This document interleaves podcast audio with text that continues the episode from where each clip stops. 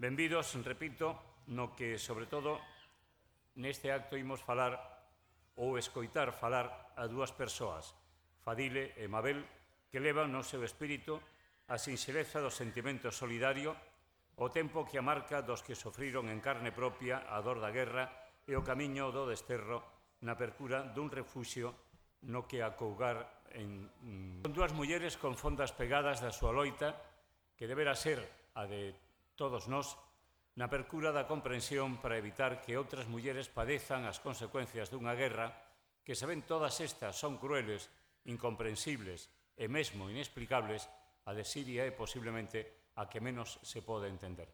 Polo menos eu non a entendo. Agás que existan motivos que xustifiquen o crime por máis que este se cubra co pano dunha bandeira que nunca, nunca poderá ocultar a morte de inocentes, de cidadáns que non entenden non entenderán nunca que foi o que pasou nese país para que agora estea desfeito e con milleiros de mortos no relato diario dos medios de comunicación. Fadile e Mabel teñen experiencias abondas para contar. Son mulleres que falan porque o sinten e o padecen das consecuencias dunha guerra, permítame que o diga así, porque o que sinto estúpida, absurda, inhumana como todas as guerras, por máis que sexan os, pregunto, humanos os que as levan a cabo. Saben o que é demandar un país de acollida, de refuxio, do mesmo xeito que o souberon os nosos pais, os avós españois, que tamén foron levados a unha guerra que moitos, que a moitos, en este caso unha confidencia, o de meu propio pai, conduciu a Francia, e no seu caso a un campo de refugiados que finalmente non foi outra cousa que un campo de concentración no que pasaron moitas penalidades, demasiadas penalidades. Se hai alma, esta debe estar a chorar constantemente pola estupidez humana. Fadile e Mabel teñen o seu propio relato desde unhas almas que sí existen para elas. Fadile Xami Azcar é siria, residente dende hai 11 anos na Coruña, activista polos dereitos humanos das mulleres e refugiados, e vicepresidenta da SWAT, SAUT, Asociación Sirio-Galega a prol dos refugiados sirios en Galicia. Membro activo de Syrian Women Network e o Syrian Feminist Lobby. Mabel Pérez Simal, é máis fácil falar de Mabel. Sí. Mabel, digo, eh, Pérez Simal estudou filosofía, é feminista e experta en igualdade e relacións laborais a través dunha intensa formación. Realizou o curso superior de Relacións Laborais na Universidade de Santiago de Compostela, máster de Xénero en Políticas de Igualdade entre Mulleres e Homes da Universidade Rei Juan Carlos de Madrid, cursos de Xénero, Cidadanía e Traballo, formadora de formadoras en materia de igualdade de xénero e unha longa lista de cursos impartidos de titorías e de participación en xornadas e seminarios completan o seu currículo formativo e educativo. Viaxou aos campos de persoas refugiadas en Grecia, traballando como voluntaria e coa mirada posta nas mulleres e a súa dobre ou tripla discriminación que son as que veñen arrastrando a cotío. Elas van a ser as encargadas dese relato e de bueno, establecer a propia mm, disensión se é que existe entre elas, que coido que non, pero que nun momento determinado poida que non, non eh, entren eh, exactamente no que é a concepción das, de, de cada unha das cuestións. Así que, polo tanto, abre o turno Mabel. Adiante. Gracias, Luaces.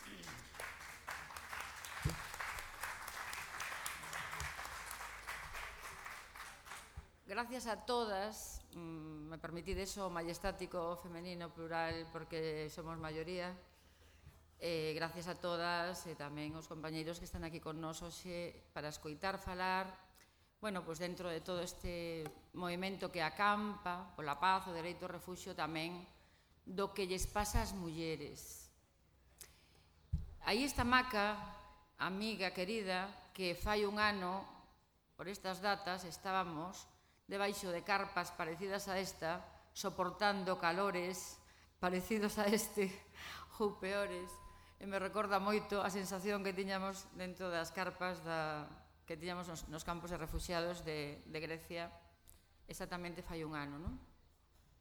Esta muller que tendes aquí chamase Yamila eh, gustaríame lervos a miña intervención va a ser lervos un pequeno relato que escribín cando coñecín a Yamila nun campo de refugiados para que ela, ela conte millor que eu o que, o que é ser unha muller refugiada.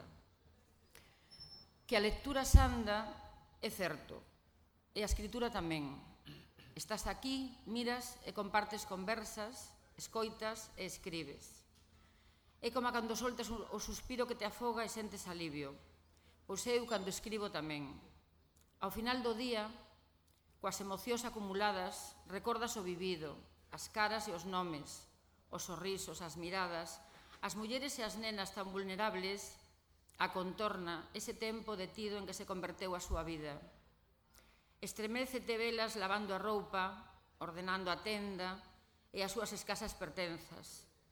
Apenas o que poideron sacar, e sobre todo o que poden transportar, Peitean as súas nenas, carrexan auga, fan cola para a comida, a roupa, o calzado, conversan entre elas e por veces sorrín, Mesmo en algúns momentos escoítala rir abertamente, cun riso liberador e cómplice. Durante uns segundos, os seus ollos oscuros e amables tornanse alegres. Mulleres refuxiadas que trasfegan polo campo ocupando o tempo en tarefas cotiás, as tarefas miúdas que facemos as mulleres. Visten de xeitos diversos, algunhas máis tradicionais ou menos, e na maioría dos casos cun pano tapándolle o pelo e o pescozo. Fan ringleiras para casi todo, separadas dos homes, para manteren a distancia que a súa cultura lles dita. Comunícanse coas voluntarias, con nós, séntense cómodas cando entras na súa jaima e te sentas a leriar e a tomar un té con elas, e male ao seu escaso vocabulario en inglés, sempre hai unha filla ou un neto que traduce.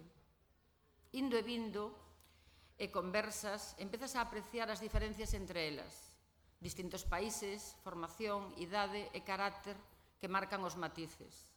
Hai mulleres grandes e curtidas como a nai de Zara, alta e movéndose polo campo con determinación, decidida a buscarlle un futuro a súa filla, soa, porque o seu home está encarcelado en Siria. Mulleres maiores como Esma, a boa de cinco netos, todos mozos, cos que fuxiu após do asesinato dos seus pais e que a obedecen sin refungar mulleres cubertas e discretas en público, que saben que a súa seguridade está cos seus homes, nun ambiente hostil onde todo é máis difícil para elas. E Farida, unha muller do Kurdistán orgullosa e amable, as valentes mulleres curdas afeitas a pelexar e a defender a familia, pero tamén o seu povo perseguido nos distintos países onde asenta a súa patria. Esta Yamila. Yamila ten 62 anos e fixo a viaxe sola. Yamila vivía en Damasco, en Siria, no campo de, de refugiadas de Yarmouk. Seus pais, que eran palestinos de Aca, fuxiron de Palestina en 1948, despois da, da invasión israelí, sendo unhos nenos os seus pais de 12 e 13 anos. Coñeceronse en Siria, xa no campo, e casaron.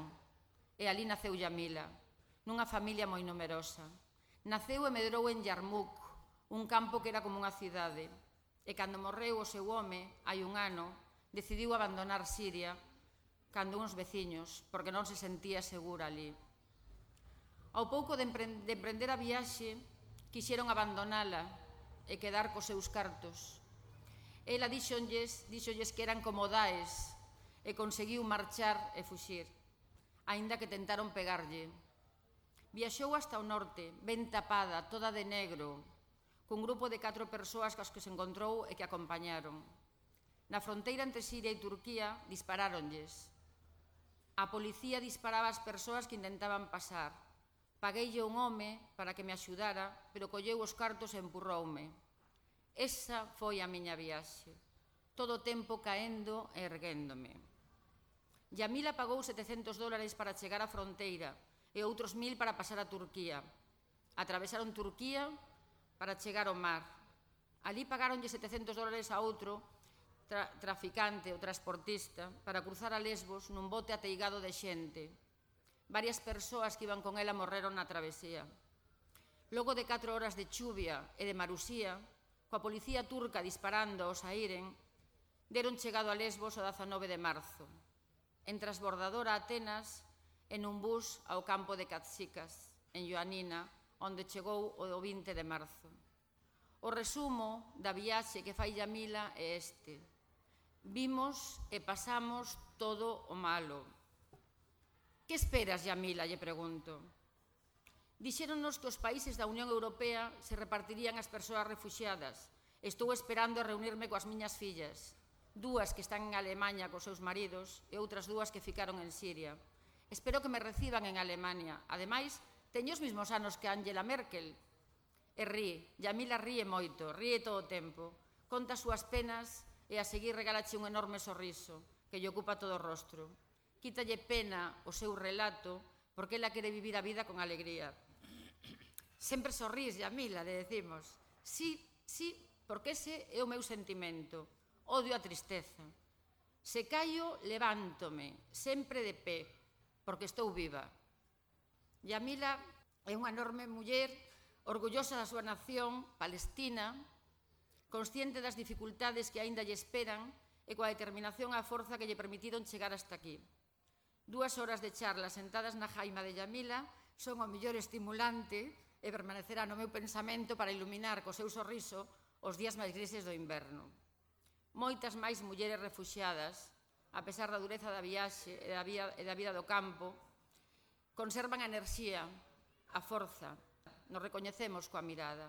Non importa a roupa, o pano, nin a cor, nin a lingua. Ao mirarnos aos ollos descubrimos todo o que temos en común. Somos todas.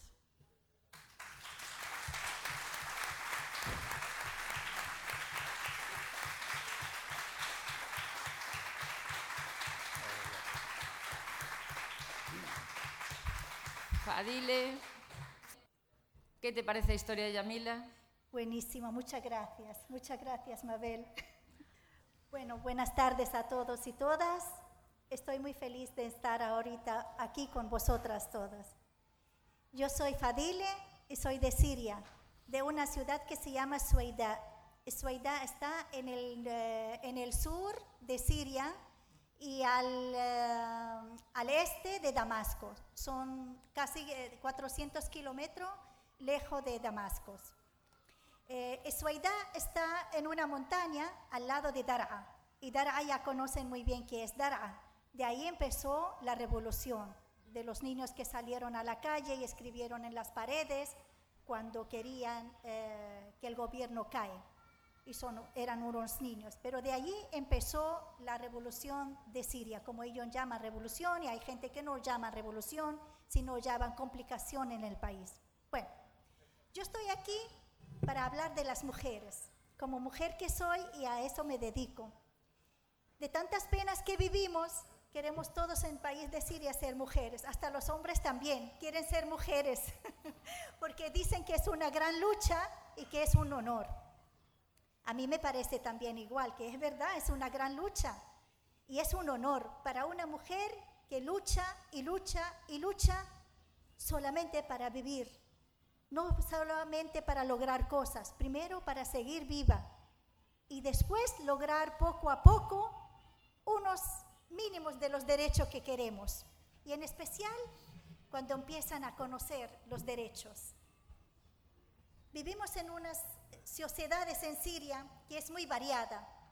Tenemos los religiosos, tenemos los que no son religiosos, normales, tenemos los que viven en las ciudades, que son más finos, más pijos también, y tenemos a los que viven en los pueblos, que son más libres todavía, tenemos a las ciudades que son cristianas, y tenemos a las ciudades que son de otro, que no son árabes, que son kurdos, tenemos también a muchos achoristas, muchos arminios. Tenemos una mezcla grandísima de Siria. Ahora, que vamos a llamar que estamos en una guerra desde el 2011 y sigue todavía hasta ahora, ya no somos un pueblo uno. Antes éramos unidos, ahora no somos unidos. Ahora ya es las cosas religiosas metidas, musulmanes en contra musulmanes, cristianos en contra cristianos, árabes en contra kurdos, kurdos en contra los árabes. hay un montón de cosas ahí feas y muchas penas. Yo no los voy a hablar de las penas, porque creo que todo el mundo está hasta aquí con las penas, oyendo todo lo que se está llegando. Yo voy a hablar de un campamento que es el campamento más grande que existe para los refugiados siria. Es en la frontera con Jordania y se llama Zatari. Yo estuve ahí tres meses. Fui a Zatari en el año 2014. Fui a Zatari tres meses. Fui a Zatari, y le quiero decir algo, porque vi que, que la señora...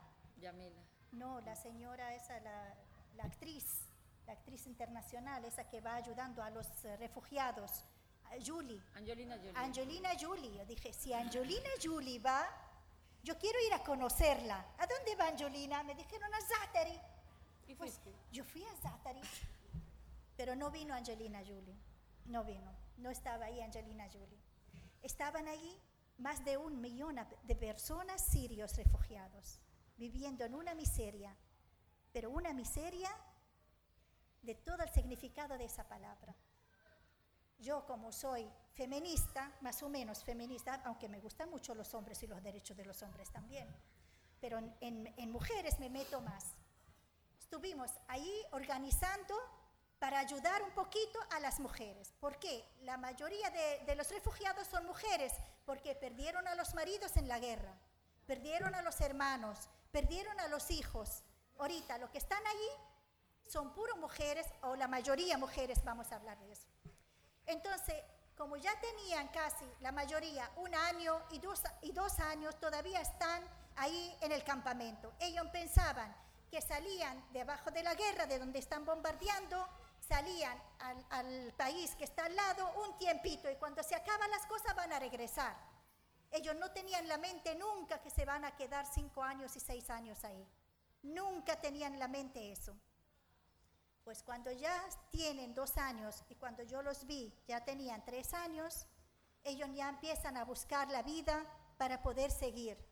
El que tiene dinero o el que pudo conseguir dinero de una forma u otra, salió de Jordania a Turquía y de Turquía ya hizo lo que nos explicó ahorita y nos contó, el venir a Europa a buscar la vida digna en Europa. El que no tiene dinero, señores y señoras, se quedaron en Jordania en ese campamento. Nosotras, para ayudar a las mujeres, hicimos programas. ¿Qué vamos a hacer con las mujeres que no están haciendo nada? Absolutamente nada. Sino se pelean entre ellas, hacen problemas, to- lo- igual como cualquier sociedad. Entonces, lo primero que decimos, vamos a hacer cursos. Y fuimos a buscar la, la gente que son mayores de edad, a preguntarlas qué les gustaría eh, aprender para poder trabajar, para poder vivir de su sudor, para ser independientes. No les miento, 90% quieren ser peluqueras. 90% de las mujeres quieren ser maquilladoras, estéticas.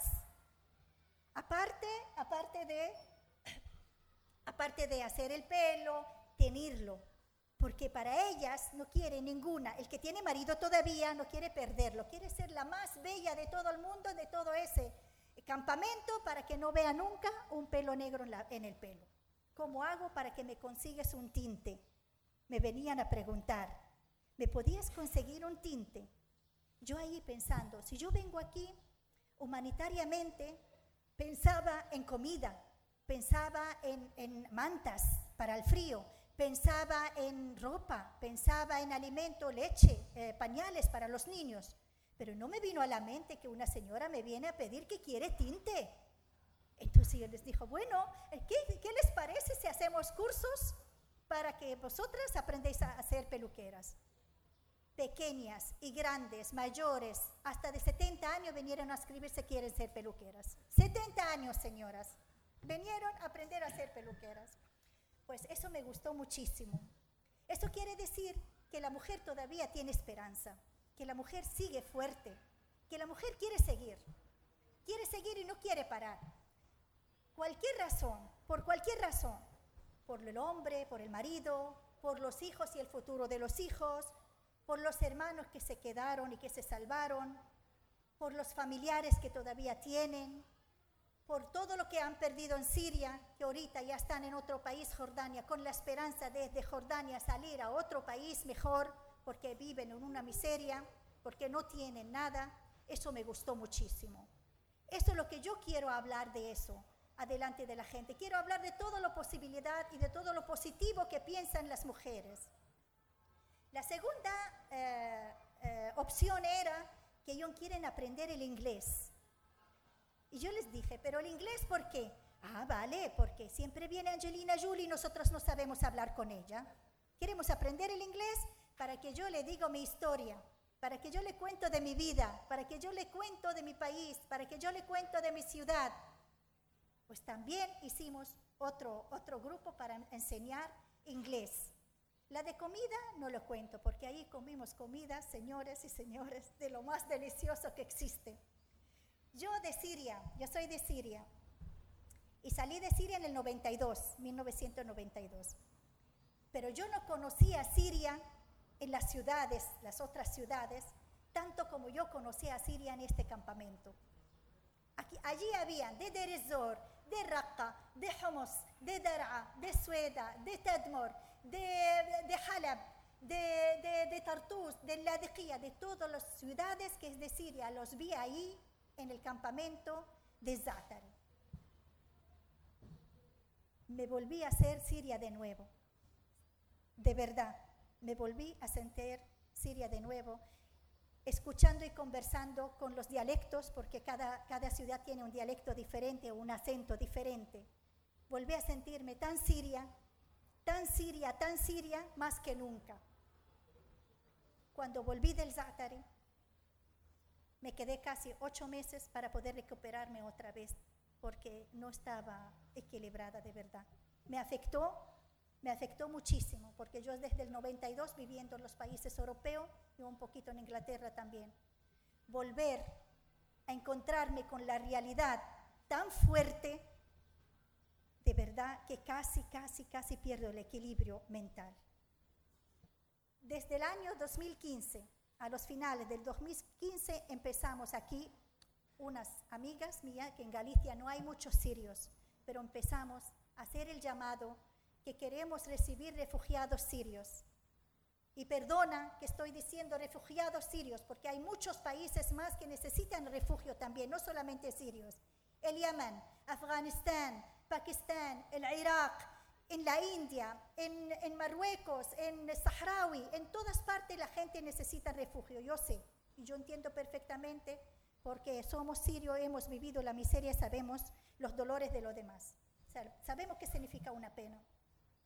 Pero digo sirio porque sinceramente, políticamente, políticamente digo, y gobierno y gobiernos alrededor del mundo dejaron al pueblo sirio solo Nadie ayudó al pueblo sirio, por política y por gobiernos.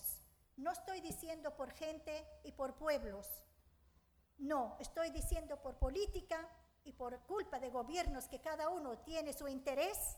El pueblo sirio se mató, más de un millón de personas muertos, más de 300 mil personas desaparecidas más de 200.000 personas encarceladas que no se sabe cuál es su futuro, ni qué ha sabido de ellos, más de un millón de niños muertos, más de 13 millones de personas refugiadas en frontera con Siria y alrededor del mundo. Si en el Zatari solo hay 1.100.000 personas refugiadas en el Zatari, solamente en el Zatari aparte del Líbano, que estamos al frontera con Líbano, aparte del Irak, mira, el Irak con tantos problemas y guerras tiene refugiados sirios, aparte de Turquía, que también tiene refugiados sirios.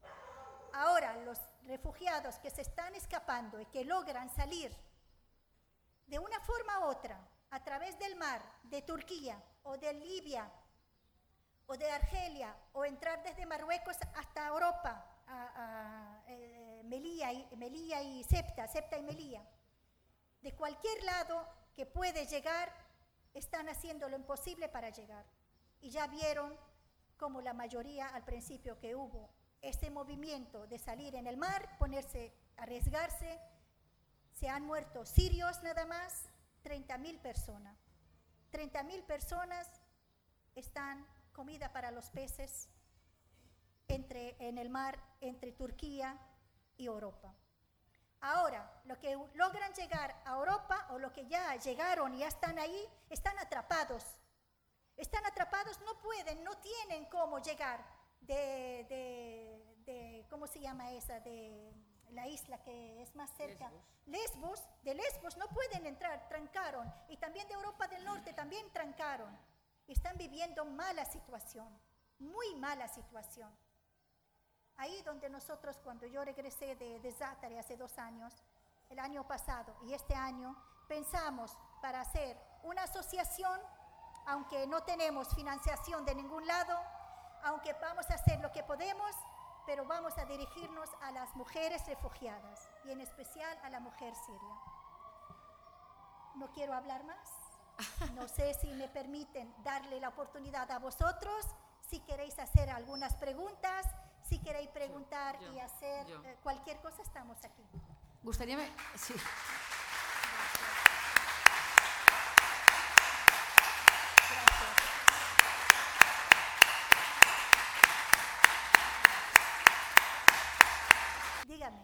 مرحبا بك اهلا وسهلا Mira, a, a, ver si me sé explicar porque es un poco complicado lo que quiero decir, o por lo menos para intentar explicarlo. En, vosotros tiráis para Occidente creyendo que Occidente os va a ayudar. Occidente no os va a ayudar. Pero bueno, la pregunta no es esa. La pregunta es, eh, si la Liga, los países de la Liga Árabe, que creo que son 22 o 23, algunos son riquísimos. ¿Verdad? ¿Por es qué que... no solicitáis ayuda en esos países? Okay. Bueno, vale. gracias. ¿Me expliqué bien? Sí, sí. Vale. Mm. Muchas gracias. Isto, isto, isto mm, moita, moita xente nos campos preguntaba onde están os nosos amigos árabes. Sí. Preguntaban sí. moitas persoas refugiadas sí. Merkel, por os amigos árabes. Sí, Merkel igual lo dijo. Dijo Merkel, hablando al público, lo que no hizo Arabia Saudita y Qatar y Dubái, que son los más ricos del mundo, Alemania lo está logrando y lo está haciendo. Lamentablemente, hasta los vecinos de Siria no abrieron las puertas. Quiero decir, Líbano y Jordania, que dentro, entre la, la distancia entre la capital Damasco y la capital Beirut, Beirut del Líbano, en Damasco de Siria, hay una hora y media. Es increíble. Cerraron las fronteras. Todas las fronteras le cerraron por la ayuda o por, porque quiere así el gobierno sirio. El gobierno sirio negaba que hay necesidad, que hay una guerra en Siria hasta el año 2013. Yo, que estoy aquí desde el 2011, parada en la Plaza María Pita, con mi bandera de Siria, gritando y diciendo, el gobierno sirio está matando a mis amigos porque salieron en marchas en contra del gobierno, porque quieren libertad. A mí nadie me creía. A mí nadie me creía. Yo aquí en España, aquí en Galicia, aquí en, Cari- en Coruña, en la Plaza María Pita. Yo gritaba, mi pueblo se está matando, el gobierno sirio está matando a mi pueblo. Estoy hablando desde el 2012, 2011. Yo venía todos los fines de semana aquí a la Plaza María Pita. Tengo miles de entrevistas en La Voz de Galicia, en el periódico y en el televisor también. En el 2013 hice una huelga de hambre aquí en los cantones. 13 días. Se llama huelga de hambre por mi pueblo Siria. Que paren la matanza en Siria. Nadie, nadie de las televisiones internacionales pasaba ni una noticia de lo que está pasando en Siria. Porque eso es política, señores. La política es la que gobierna. Por la política van los intereses. A los gobiernos y la política no le interesa al pueblo, le interesa a cada uno su interés. Arabia Saudita no tiene interés para recibir a refugiados sirios. Qatar tampoco tiene interés. Se metieron Arabia Saudita y Qatar cuando su interés llamaba para dar armas a los grupos musulmanes dentro de Siria. Pensaban que dentro de Siria hacer grupos musulmanes para que después gobiernan o Qatar o Arabia Saudita para que gobierne en Siria. Y el gobierno de Siria hizo igual. Cuando se le fue las cosas de la mano, llamó a Rusia y llamó a Irán para que lo apoya, porque perdió el control. Allí ya no son vecinos, ahí cada uno con su interés. Lamentablemente que yo digo eso. Si un país nos abrió la puerta, señores, no pasamos hasta el día de hoy así de esa manera. Si tenemos a un gobierno que es verdad quiere a su país y a su pueblo, no mataba a la gente antes que existía ISIS y antes que existía y los grupos musulmanes. Y perdona que estoy metiéndome en, política, pero eso es lo que pasa, esa es la realidad.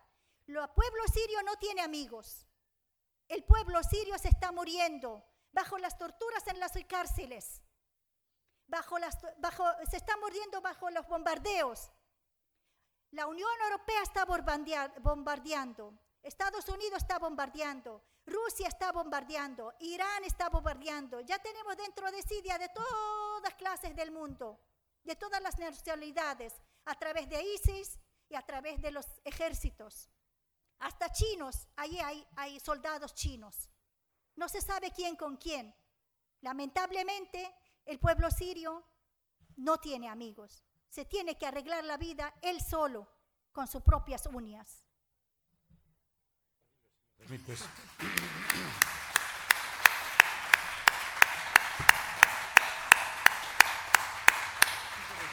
Si me permites una, una, pregunta un poco para centrar también todo esto, porque claro, aquí sabemos de la, de la situación de Siria. Sí. Lo conocemos por, por las informaciones que se están produciendo. Pero hay algo que justifique realmente, sé que las guerras no tienen justificación de ningún tipo, pero algo que haya promovido el que la guerra exista por un interés determinado en Siria o, o, o cuestiones que tienen que ver con Siria. Sí. ¿Qué es lo que ha obligado, bueno, a esta Empezado. gente a, a, a, sí. a, iniciar una guerra? Sí. Te voy a empezar como yo como un ejemplo. Yo salí de Siria en el 92, 1992, porque estuve perseguida del gobierno, porque tenía mentes, tenía ideas comunistas. No me permitía el padre de Bashar. A mí no me permitía como, como persona, no voy a hablar como persona, como grupos, porque nunca llegamos a ser un partido. En Siria, desde el año 62, no se permite ningún partido, ninguno. Ninguno, sea como sea, solo el partido del gobierno, que se llama Hezb el-Ba'ath. Solo el Ba'ath que gobierna. Y el presidente tiene todo el poder en todo, en el ejército, en los, eh, eh, ¿cómo se llama? En todo lo que, todo, todo, todo está en la mano de un solo presidente, que era Hafez el-Assad, el padre de Bashar. Cuando se murió Hafez el-Assad en el 2000, se murió trajeron a Bashar, que estaba estudiando en, en, Inglaterra, estaba estudiando médico, lo buscaron, lo prepararon para presidente en 15 minutos y cambiaron la constitución, señores. Solos entre ellos. Yo viví en Siria 35 años, quería votar, votar, ir a votar libremente una sola vez en mi vida. Eso nunca yo lo logré, en 35 años, señores. Nunca logré votar como yo quiero, a la persona que yo quiero. No es a la persona, no había otra persona, que no había candidatos. Un solo presidente desde 50 años. Y cuando se muere, dio la, la, la, la presidencia, dio el gobierno a su hijo como una herencia. Dime, un pueblo que está viviendo bajo una dictadura, ¿qué quieres que haga después que vio que ha pasado en Túnez? después que vio que ha pasado en, Egipto, después que vio que ha pasado en, Libia. Estaba empezando revoluciones en el Medio Oriente y le llamaban la primavera árabe. El pueblo sirio se se movió igual, pero nunca hicimos caso al gobierno. El gobierno dijo, Siria no es Egipto. Y nosotros decimos, sí, somos gente normales como la gente de Egipto y queremos la libertad.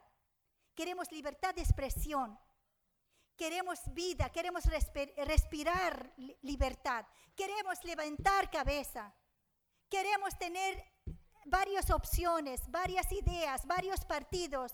Queremos, aunque sea una sola vez en la vida, tener varios candidatos para ir democráticamente a votar a la persona que queremos que nos gobierna. Eso nunca pasó.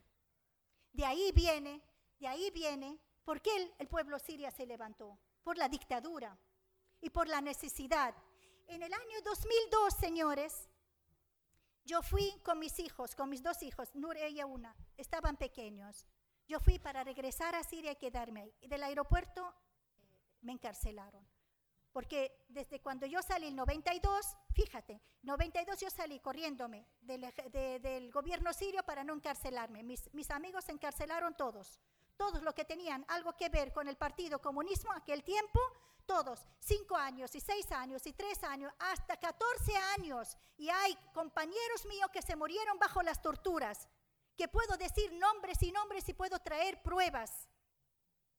En el año 2002, cuando voy decidiendo que voy a regresar a vivir en mi país, Siria, con mis dos hijos, a mí me detienen en el aeropuerto y viene mi familia a recoger mis dos hijos del aeropuerto porque yo fui detenida por tan solo llegar porque mi, mi nombre estaba, estaba yo perseguida y mi nombre lo querían, ¿no? En el aeropuerto cuando llegué, yo inocentemente, desde el 92, yo dije, ah, y ya ahorita tenemos a otro presidente. Qué estúpida fui. Cuando me encarcelan, después de tres años, de tres, de tr- tres meses, perdón, salgo de un, a- donde me detenieron, se llama Fra Falastín. De Fra Falastín, yo les pregunto, ¿pero por qué me detenieron? No, te queríamos preguntar unas preguntas nada más. Tres meses y yo no sabía dónde estaban mis hijos. Desde allí yo vi lo que nunca yo creía que todavía estaba, porque oía cómo ha cambiado el país, que ese Bashar es joven, que va a hacer muchos cambios en Siria, que va a hacer yo no sé qué. Fíjense, internet no había. En el 2002 estoy hablando, ¿ah? Estaba prohibido el YouTube, estaba prohibido Hotmail, estaba prohibido eh, el otro que es eh, Gmail y el otro, eso no había.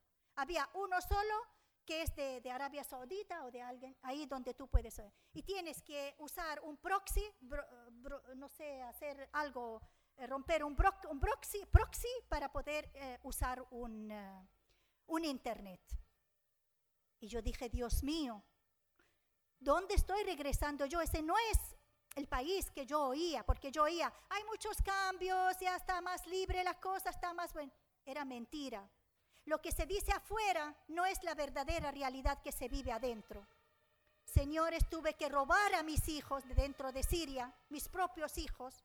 Tuve que robarlos otra vez en el 2002, salir escondida al Líbano y del Líbano volé a Inglaterra. Y ahí me quedé casi ca- cinco años viviendo con mis hijos en Inglaterra. Porque yo como Siria, que tengo unas ideas diferentes y un poquito, un poquito de mente abierta, no me van a permitir seguir viva en Siria. Ahora, los asuntos eh, diplomáticos y políticos son más allá de lo que yo estoy hablando. ¿Por qué Estados Unidos está ahorita en contra del gobierno sirio? ¿Y por qué Rusia está apoyando a Siria? ¿Por qué Irán apoya a Siria? ¿Mm? ¿Por qué Hezbollah apoya a Siria? ¿Por qué Turquía está en contra del gobierno sirio? ¿Por qué ahorita los kurdos que están en el norte tienen todo el, armamento, están muy fuertes, están armados hasta los dientes por parte de Estados Unidos y quieren ahora liberar las ciudades donde están los árabes, que ellos están en contra de los árabes, kurdos en contra de los árabes? Porque kurdos quieren en- ser independientes quieren la zona de ellos en el norte para ellos, quieren hacer una república para ellos. Y vienen ahora a liberar a las ciudades como el Raqqa de ISIS, a sacar a Daesh. ¿En qué mente puede, en qué mente puede caber eso? ¿Qué política es esta?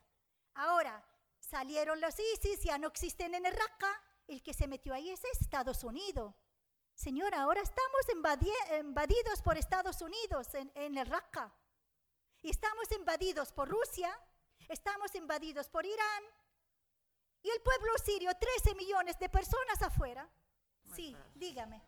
Ya, eh, encuentro que no, nunca se habla, no se tiene en cuenta Dígame. los grandes sacrificios que hacen las mujeres gallegas y españolas y europeas en general. Porque lo más natural e instintivo en una mujer es tener hijos. Sí, Aquí renuncian a eso. La población de Galicia disminuye cada año en no sé cuántos miles y en todos los países de Europa, porque las mujeres se niegan a tener hijos cuando es una cosa natural e instintiva, el deseo. Y si se sacrifican, se tragan esas ganas, pero los musulmanes parece que no, que presumen de vientres fértiles. Pues bien, que ¿puedo sigan un chiste fértiles. nada más? Voy a hacer un chiste para que después responde mi compañera. Vale, por favor, ¿me permiten? Los árabes tienen muchos hijos porque no tienen televisor en casa.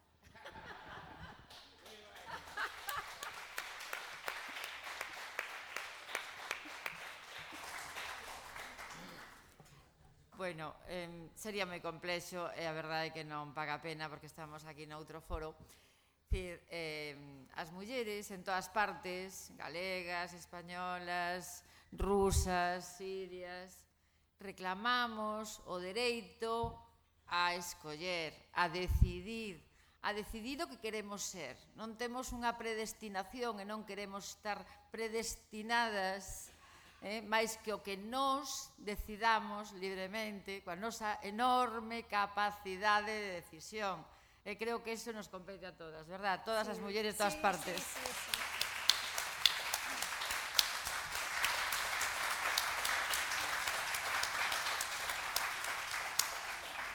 Señor, déjame... ¿Alguna, ¿Alguna pregunta máis por aí? Sí, ali atrás, por favor. Hola.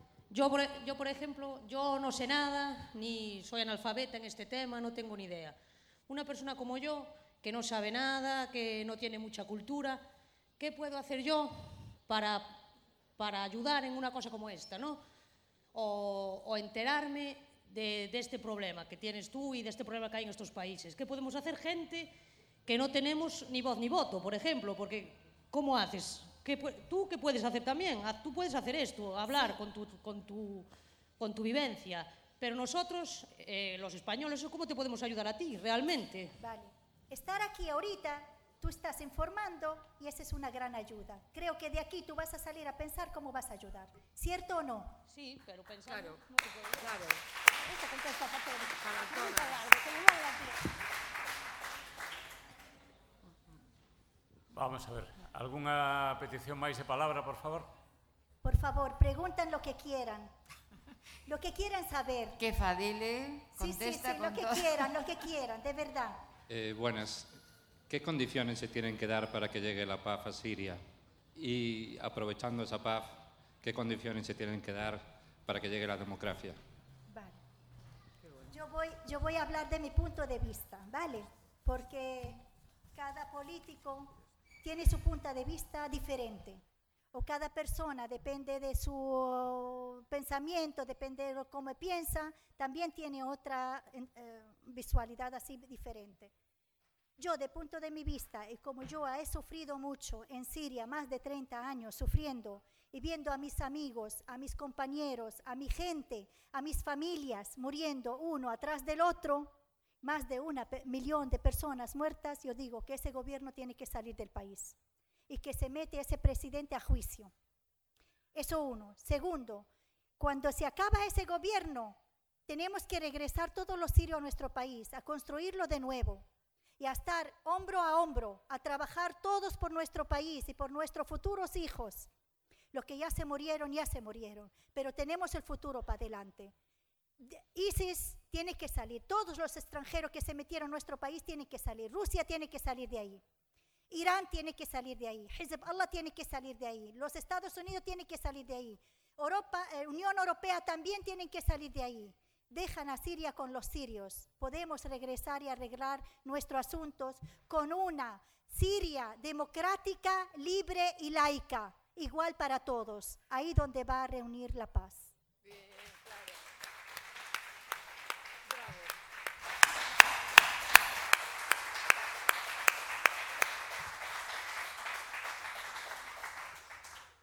Vamos a ver, ¿hay alguien más que, que quiera preguntar algo?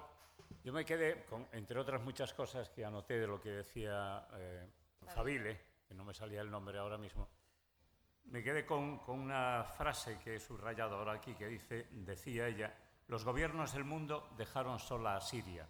Y curiosamente, ella ahora mismo está diciendo, a pesar de que nos han dejado sola, nosotros queremos que salgan de Siria Estados Unidos, Rusia, etcétera, etcétera, etcétera. Es decir, ¿por qué entraron todos estos allí? ¿Qué, qué, qué iban a encontrar o qué cree Fabile que iban a encontrar todos estos países que entraron en Siria para que ahora todos los sirios quieran que ellos salgan? Eh, de mi punto de vista también voy a, voy a decir no, mi opinión. Siria está vecina de Israel. Israel está en la zona. El gobierno sirio es la tranquilidad de Israel en la zona. Políticamente es así. Ahora, lo que no conviene a Israel, que ese gobierno se va.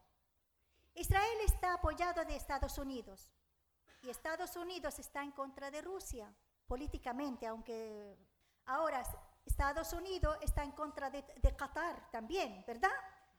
Aunque le vendió hace dos días unos millardes de millones en aviones y armas a, a, Qatar. Y eso que está en contra de ella. Favor, dígame eso. ¿Cómo se puede entender esa política? Rusia no tiene ningún interés. Hace dos días el presidente de Rusia le preguntaron en una entrevista, Putin, ¿por qué usted está metido en una, una guerra en Siria? que no te da. Dijo, no, Siria para mí es un terreno donde yo puedo entrenar a mi, a mi eh, ¿cómo se llama? mis armamentos militarmente. O sea, el pueblo sirio y el terreno sirio está como, como los ratones en el, uh, ¿cómo se llama eso? En, eh, los ratones para pruebas. Sí, sí. En un, un laboratorio. Los laboratorios que son para Rusia y para Estados Unidos. Ahora, ¿por qué Irán y Hezbollah? El gobierno sirio, en la guerra del Líbano, ahí estaba metida el gobierno sirio. Estaba apoyando a Hezbollah.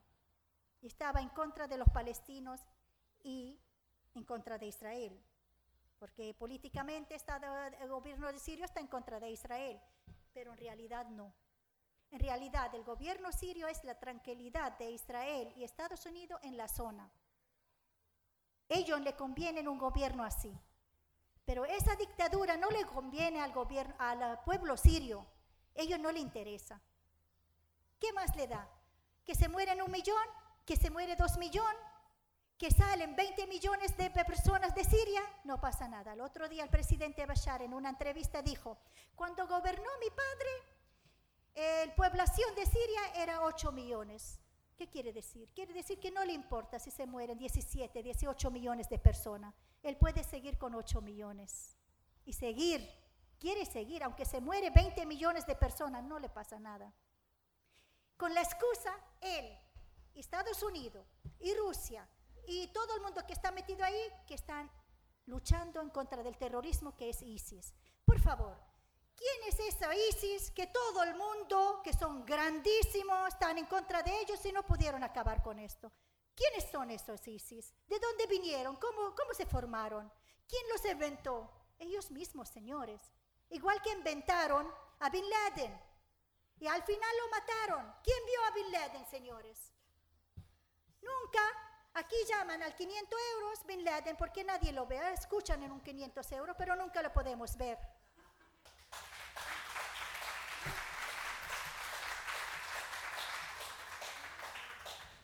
Sí, algunha intervención eh, Fadile como Yamila eh, Yamila e Fadile. Yamila era unha muller eh, no campo de refugiados e que se criou noutro campo de refugiados, unha muller moi politizada, unha muller cunha conciencia e unha formación política bueno, pois moi importante e mm, ten sentido que estén as dúas xuntas, non? Aínda que sea unha en imaxe e outra en persona, é dicir, creo que mm, a imaxe das mulleres que eu atopei, o que eu coñecín, eh, Fadile é unha delas, de sempre temos unha imaxe mm, eurocentrista e moi paternalista ou maternalista tamén. Porque pensamos que aquí en Occidente a nosa liberación femenina e feminista está moi por riba daquelas mulleres que levan un pañuelo, un, como se dice, hijab? Hijab. Hijab, ou que van con un burka, ¿Mm? eh, a posibilidade de acercarse, vos invito a coñecer a, a mulleres de outras culturas eh, cando que falan de feminismo islámico, que a mí me costaba entender o de feminismo islámico, pero elas fan congresos de feminismo islámico para falar deste tema, eh, a veces temos que abrir moitos ollos para non caer nese eurocentrismo ou nese filtro que temos aquí de que pensamos que nós estamos tan liberadas e o mellor non vemos tamén os burcas, os burcas que levamos as mulleres galegas, españolas, europeas, que tamén temos os nosos propios burcas, non? Que nos pon esta sociedade na que vivimos. Sí. E mm, ahora veía aquí estas dúas mulleres compañeiras sirias que hoxe amigas amigas de Fadile que vinieron se achegaron de, aquí. Vinieron de Sarria para apoyarme, ¿ah? ¿eh? De Sarria, de Lugo. Sí. Perdón. No, no. Ai, e que Fadile me contaba que o prim a primeira vez que salen soas desde que están en Galicia sin os seus maridos. É dicir, creo que temos que mm, dende o feminismo eh, de, do primeiro mundo, vamos a decir, porque tamén aquí temos terceiro e cuarto, pero dese, dese feminismo temos que facer ese esforzo para achegarnos, entender comprender e colaborar. Porque as mulleres, aínda que leven un pañuelo na cabeza, ou aínda que leven un burca, pois teñen todo un percorrido e hai mulleres que, por lo menos atopei, absolutamente eh, capaces, fortes, eh, enormes, preparadas, preparadas políticas, eh, moi brillantes, como por exemplo pode ser o caso de, de Yamila e de Fadile, que bueno, creo que está ben está ben, e queríamos enfocar por aí, cando falamos outro día, Fadile máis eu, enfocar un pouco por aí esta presentación, decir, mm, porque as mulleres que están mm, neste momento facendo ese percorrido de refuxio están sufrindo todas as penalidades. O sea, ser refugiado é duro, ser muller refugiada é máis duro, porque iso é así en xeral, non? É a extorsión, é o sometemento, é a trata, e a violación, eh, todo mm, que podíamos falar, porque eso lles pasa no seu percorrido. Incluso hai un, un, un termo que se utiliza que é a sextorsión, non? É dicir, a extorsión a través do sexo, non? É que do que se está falando, non? Eh, é verdad, todo isto sucede, todo isto lle sucede e vos podedes imaginar todo o periplo que supón para unha muller, sobre todo as que viaxan solas, neste periplo que nos contaban onte, de, de, dese de corredor eh, desa, dese falta de corredor humanitario que non estableceron os gobernos e que teñen que buscarse a vida tan dura como fixo Yamila. Non?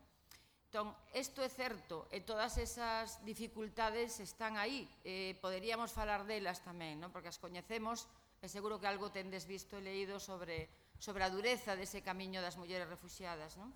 A dureza nos campos, como a veces teñen que mm, achegarse a un home achegarse, viaxar con el, por suposto, soportar, ter relacións, para poder sentirse protexidas, non? Porque as dificultades de viaxar solas son moitas e moi grandes, ou Yamila que tiña que ir vestida de negro da cabeza aos pés, non? Para pasar desapercibida, non chamar a atención cando ela me decía que o que lle gustaban eran os colores fuertes, como ese fusia que ten no pañuelo, non? Que lle gustaban moitos colores e a vitalidade dos colores e tuvo que pasar moito tempo vestida de negro riguroso, non? Todo isto é certo, todas as dificultades enormes das mulleres, por suposto, que están aí, pero que bueno, que o que queríamos o xefa dile máis eu tamén era contar a fortaleza, non? A fortaleza, a enerxía, a capacidade e as posibilidades que teñen de desenvolvemento, de, de, de, de avances ás mulleres, non? que nos acheguemos, que compartamos, que, que colaboremos, que poñemos o noso saber e compartamos cos seus saberes, que non teñen menos saberes que nós, por moito que alguén o pense, e compartamos todos os saberes non para, entre todas, construir un futuro mellor dende a perspectiva femenina. Non? Hai países que están moita xente que está convencida de que o futuro da humanidade pasa polo papel das mulleres. Non? Eu, desde logo, estou absolutamente convencida, está certificado polas mulleres que en África con microcrédito están sacando adiante as súas familias e os seus, os seus povos, prácticamente, polas mulleres que en todas partes do mundo están traballando e traballando duro, non? A resistencia das mulleres non casos de conflitos está máis que estudiada e documentada, a resistencia, non? das mulleres non sempre recoñecida, pero que está absolutamente demostrada, non? Entón, mm, esa esperanza, esta esperanza de que o futuro tamén o de Siria elas teñen que facer as súas propias revolucións internas, eh, nos seus propios códigos, nas súas propias culturas, que teñen que facer tamén as súas revolucións, porque nos seguimos facendo, e mira onde estamos, e o que nos falta por facer tamén, aínda que creamos, pero que teñen que facer o seu proceso, pero con todo o respeto a ese proceso, non? pero que creo que o futuro tamén de Siria pasa por mulleres como Fadile, como Yamila e como moitas outras que encontramos polo camiño. Supoño que estades todas de acordo. Sí. Quero agregar algo aparte de lo que usted dijo. Eh, cuando ya formamos nuestra asociación, que se llama SAUT, quiere decir voz, la voz. Y eso me, vio, me vino la idea de la voz de Galicia. Y dije, voy a robar la voz y la voy a poner para nuestra asociación. Y espero que no se pone brava la voz de Galicia. Eh, nos hicimos contacto con otras organizaciones. Entonces empezamos a preguntar a las mujeres, ya estáis instaladas en Europa, ya saben las informaciones y ya ven cómo las mujeres europeas viven. ¿Qué van a hacer? 30% de las mujeres me respondían, quiero divorciar a mi marido. Ahorita ya puedo decir que no quiero a mi marido, lo quiero divorciar. En Siria no se permitía porque el poder lo tiene el marido sobre la mujer. Tiene la constitución, la, la custodia de la mujer. Entonces, ahorita cuando vieron qué leyes están en Europa, lo primero que pensaron es ser libre. Voy a divorciar a mi marido. Voy a vivir libre. Aquí voy a tener mi amparo, me van a amparar. Tengo el, las leyes conmigo. No es como en Siria. También, otras cosas que son muy bonitas, las poetas mujeres poetas. Tenemos una ahorita en Madrid que se llama Maysun Ishker. Hizo un libro de poesía y lo publicó. Yo cuando la vi, que ella me pasó un video, me dice Fadili, yo hablé en español. Hablé. La persona que me tradució mis poesías me enseñó cómo decirla, cómo hablarla, cómo leerla en español y yo hablé y leí mis propias poesías en español y yo llorando ya es poeta y no solamente poeta, hablando español también, que eso no se podía hacer en Siria.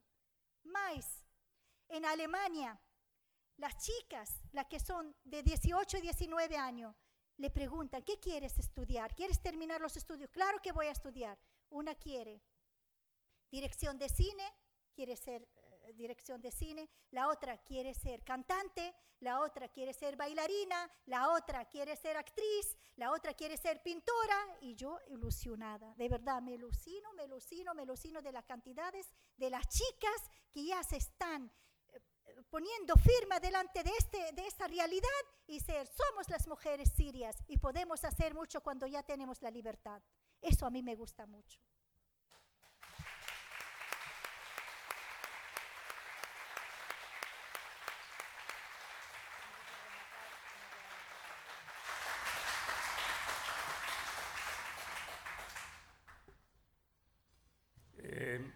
Quería aprovechar la, la oportunidad, una vez más, sí. Adile, en este caso concreto, porque es algo que está en el ambiente y que bueno, se está cociendo en todos los países europeos.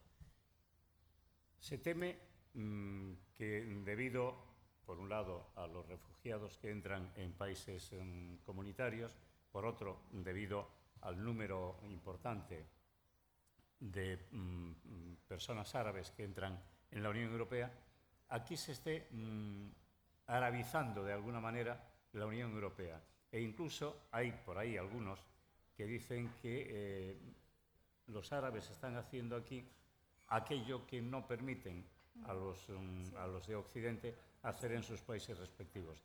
Ese puede ser un hándicap a la hora de, de bueno, um, considerar efectivamente la lucha que en este caso van a tener que hacer, si no lo están haciendo ya las mujeres sirias. Lamentablemente nosotros como sirios no hemos vivido la democracia y no sabemos y no entendemos muy bien cómo respetar los derechos de los demás. Entonces por eso sabemos solamente nuestros derechos que tenemos que exigir a los demás que nos dan nuestros derechos. No estamos acostumbrados. Creo que vamos a necesitar un tiempo, vamos a necesitar. Pero ¿a qué vamos a llegar y cómo? Creo que nuestros hijos lo van a hacer. Nosotros de, de mi edad, de mi edad, o mayor que yo, o menor que yo, dos, tres años, no van a aceptar ser tan democráticos, van siempre a exigir, porque es una oportunidad de ellos. Ya estamos donde podemos tener nuestra... Ahora, lo que los demás piensan no nos importa. No estamos acostumbrados todavía. Creo que vamos a necesitar un tiempo y muchas información. Necesitamos muchas información. Necesitamos mucho querer y mucho eh, dar el primer paso. ¿Sabes? Por ejemplo, que las dos chicas, Marwa y Nada, vienen solas de, de Saria para acá, acompañada con mi amiga aquí, que estoy muy feliz, eh, ese es un paso grandísimo. Los hombres se quedaron con los niños y vinieron las mujeres. Pues yo les adoro y la, de verdad que estoy muy feliz por ellas que empezaron a tener el primer paso con mucha confianza en sí misma y como debe ser. Y poco a poco creo que sí vamos a poner respetar a los demás y no exigir, sino con respeto también. Antes de finalizar, ¿alguna, alguna pregunta? Nada, nada, ya acabamos. ya. Eh, eh, quiero aprovechar Venga, algo para nuestra asociación. Eh, tenemos una amiga dentro de Siria que hizo como un diario, se llama Cartas de Siria. Y ella eh, pudo sacar estas cartas de Siria, lo hicimos un libro, lo reunimos todo, hicimos un libro que se llama Cartas desde Siria. Y aquí nosotros traducimos 10 y lo tenemos como un folleto. Lo tengo allí en mi carpa, en la carpa de, de Saud, y es una colaboración para la asociación. Si a alguien le interesa leer las cartas desde Siria, ya la tenemos en español aquí, si alguien quiere. Gracias, Bueno, gracias. gracias a todos. Muchas gracias, por Gracias. venir.